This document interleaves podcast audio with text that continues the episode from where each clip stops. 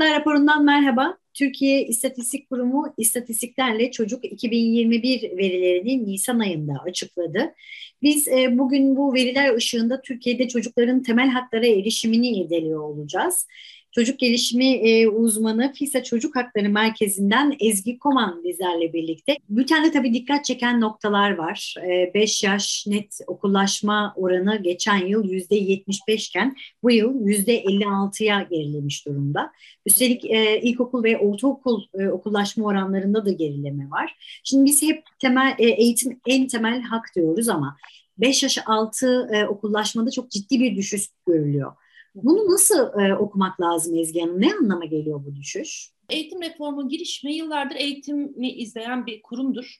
Ee, ve bu e, istatistiklerle ilgili olarak çok önemli bir noktayı vurguladı. Aslında TÜİK bunları açıklarken net okullaşma verilerini temel alıyor. Dolayısıyla çocukların okullaşma durumunu gerçekten ortaya koymak için başka verilere de başka şekilde verilere de bakmak gerekiyor. Çünkü TÜİK neyi dışarıda bıraktığını bize her zaman çok net bir şekilde söylemiyor. Bu çocuk evliliklerinde de böyle oluyor, çocuk işçiliğinde de böyle oluyor.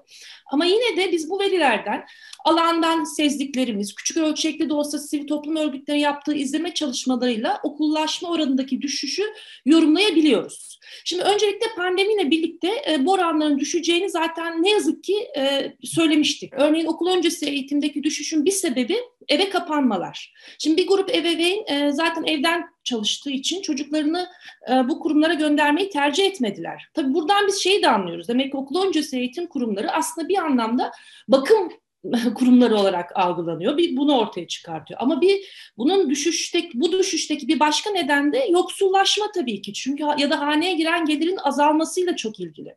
Çünkü okul öncesi eğitim kurumları genellikle paralı kurumlar, ücretli kurumlar. Ebeveynlerin pandemiyle birlikte işsiz kalması, özellikle bazı sektörlerdeki e, haneye giren gelirin çok düşmesi e, yine bu sonuca yol açmış olabilir diye düşündürtüyor. Ne yazık ki çocuklar eğitimdeki eşitsizliği daha da arttıran EBA sistemiyle birlikte e, dahil olamadıkları için eğitim sisteminin dışında kaldılar ve bunların hiç kimse peşine düşmedi. Bundan sonraki dönemlerde okullaşma verileri daha da düşebilir. Çünkü hayat çok pahalı, eğitim giderleri çok yüksek, işsizlik gittikçe artıyor. İşte var olan yoksulluk derinleşiyor. 15-17 yaş grubundaki çocukların iş gücüne katılma oranı %16.4'e yükselmiş. E, şimdi erkek çocuklar için e, bu oran %22.9'a düşüyor ama kız çocuklarının iş gücüne katılımına gelince oran 8.6'dan 9.5'e yükseldiği görülüyor. Burada bence kız çocuklarının iş gücüne katılım oranına bakmak e, iyi olabilir. Şimdi e, kadınların e, iş gücüne, istihdama katılım oranı bir eşitlik meselesi. Ama çocuklar, kız çocuklar için biz bunu söyleyemeyiz. E, bu aksine durumun ekonomik olarak ne kadar ağırlaştığını bize gösteriyor olabilir. Çünkü genellikle kız çocukları okula devam etmeseler bile ev içinde, hane içinde çalışırlar.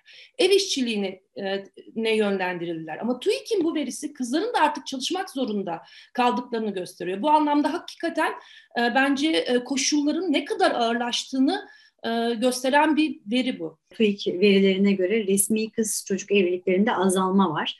2002 yılında kız çocuklarının e, evlendirilmeleri %7.3 iken e, 2020'de 2.7'ye, 2021'de de 2.3'e kadar düşmüş. Şimdi biz tabii burada resmi verilerden söz ediyoruz ama Türkiye'de kayıt dışı e, kız çocuklarının evlendirilme süreçlerine bir bakacak olursak o noktada neler söylerdiniz? Bu oldukça yüksek bir sayı. Ee, bu oran demektir ki binlerce çocuk hala çocuk yaşta evlendiriliyor yani cinsel şiddete maruz bırakılıyor. Bir kere bunu söylememiz gerekiyor. İstediği kadar düşsün. E, ayrıca çocuk evlilikleriyle ilgili TÜİK'in yine bu e, veriler, verilerinde başka bir e, bilgi var. E, çocuklar kendilerinden yaşça büyük yetişkinlerle evlendirildiğini açık ediyor bu veriler. Demek ki çocuk evliliğinin nasıl da bir şiddet olduğunu bu veri de bize gösteriyor. Bence bunu bir hani tanımlayalım, bunu buraya koyalım. Ama resmi rakamlar böyle. Fakat biz şeyi de biliyoruz. Ya çocuk evlilikleri zaten her zaman resmi o e, resmi yollarla gerçekleşmiyor. İmam nikahlarıyla, aileler arasında yapılan anlaşmalarla hatta para karşılığında satılmalarla bile gerçekleşiyor ki bunlar bu rakamlara e, bu durumlar hiçbir şekilde dahil değil. Bu yüzden işte gerçekten çocuklarla ilgili bir politika e, üretmek üzere bir veri oluşturuyorsanız Neyi evet. dışarıda bıraktığınızı çok net söylemeniz gerekiyor. Bunu söylemezseniz aslında gerçeğin üstünü bir anlamda örtmeye çalışıyorsunuz demek anlamına geliyor. Dolayısıyla çocuk evlilikleri düşüyor e, cümlesinin ne kadar da gerçek dışı olduğunu bize aslında gösteriyor. Türkiye'de çocukların en çok karşılaştığı hak ihlalleri nelerdir? Türkiye çocuklar için zaten zor bir ülke. Belki bunu söylemek gerekiyor ve bu zorluk sanırım artıyor. İşte şiddet, ayrımcılık, cezasızlık gerçekten çok büyük e, hak ihlalleri olarak karşımızda duruyor. Bir kere çocuklar her türlü, şiddetin her türüne ve pek çok alanda maruz kalıyorlar. Evde, okulda, çalıştırıldıkları iş yerlerinde, sokakta, yetişkinler ya da kamu görevlileri tarafından şiddete maruz bırakılıyorlar. İşte fiziksel şiddetten psikolojik şiddete kadar bu değişebiliyor. Hatta bu şiddet zaman zaman ölümle sonuçlanabiliyor ya da izleri e, gerçekten çok zor geçen, etkileri çok zor ortadan kaldırılabilen e, derin yaralar bırakabiliyor. Neredeyse çocukların tümü bütün bunların yanı sıra sadece çocuk oldukları için toplumun ve devletin çocuk algısından kaynaklı pek çok hak ve özgürlüklerine maruz e, hak, e, erişimlerinin önünde engel oluşabiliyor. Fakat bütün bu hak ihlalleri bir de cezasız kalıyor. Şimdi cezasızlığın şöyle bir durumu var. Cezasızlık kendisi bir hak ihlali ama aynı zamanda başka hak ihlallerinin ortaya çıkmasına yol açan bir kısır döngü. Eğer siz cezasızlığı ortadan kaldırmazsınız hak ihlalleri yeniden yeniden karşınıza çıkıyor. Yeniden çocuk yeniden yeniden çocukların e, ne yazık ki hayatını olumsuz yönde etkiliyor. Günlerde mülteciler, sığınmacılar gündemde. Ee, şimdi burada Türkiye'de doğan, büyüyen çocuklar var. Burayla bağ kuran çocuklar var. Onlar hangi hak ihlalleriyle karşılaşıyor? Özellikle e, böyle bir hava içerisinde bu çocuklar nasıl etkileniyor? E, bütün bunlara maruz kalmak, bütün bunları dinlemek, bütün bunların e, etkilediği tutumlarla karşı karşıya kalmak gerçekten çok zor. Ama hala çocuklar bütün bunların yanı sıra eğitime mesela erişemiyorlar. Ya da sağlık hakkına erişemiyorlar. İşte istedikleri okula gidiyorlar. İşte Türkiye'lilerden daha farklı ve daha nitelikli şekilde sağlık hizmeti alıyorlar. Gerçekten bunlar birer şehir efsanesi ve gerçek dışı. Bir kere bunları bizim anlamamız gerekiyor. Aksine çocuklar çalıştırılıyorlar, sömürülüyorlar, evlendiriliyorlar, satılıyorlar, şiddete maruz kalıyorlar. Evet Türkiye'de doğan çocuklar var Hmm, yani bu da böyle biraz e, şaibeli ama 750 binden söz ediliyor, bir 450 binden söz ediliyor. Bir kere şeyi de söylemek gerekiyor mutlaka. E, bu çocuklar doğar doğmaz vatandaş olmuyorlar. Herkes böyle olduğunu düşünüyor ama değil. Türkiye'de vatandaşlık bu şekilde e, şey olmuyor, geçmiyor.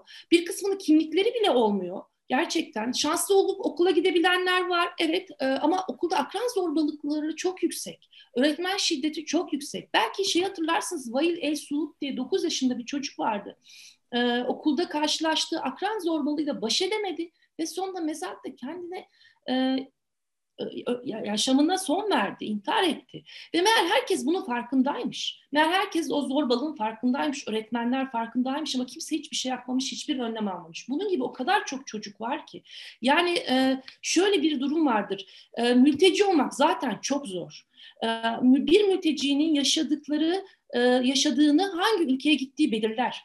Eğer o ülkede bir çocuk koruma sistemi varsa çocuklar o koruma sisteminden yararlanırlar. Ama TÜİK'in verileri de bize gösteriyor ki Türkiye'de bir çocuk koruma sistemi, bir hak temelli ülke çocuk politikası yok. Dolayısıyla mülteci çocukların bundan çok daha ağır etkilendiğini e, aslında hani hep birlikte anlamamız, kavramamız gerekiyor. Bir de böylesi bir iklim içerisinde hakikaten çocuk olmak çok zor ama mülteci çocuk olmak daha da zor galiba. FİSA Çocuk Hakları Merkezi'nden çocuk gelişimi uzmanı Ezgi Koman Haklar raporunun konuydu. Görüşmek dileğiyle.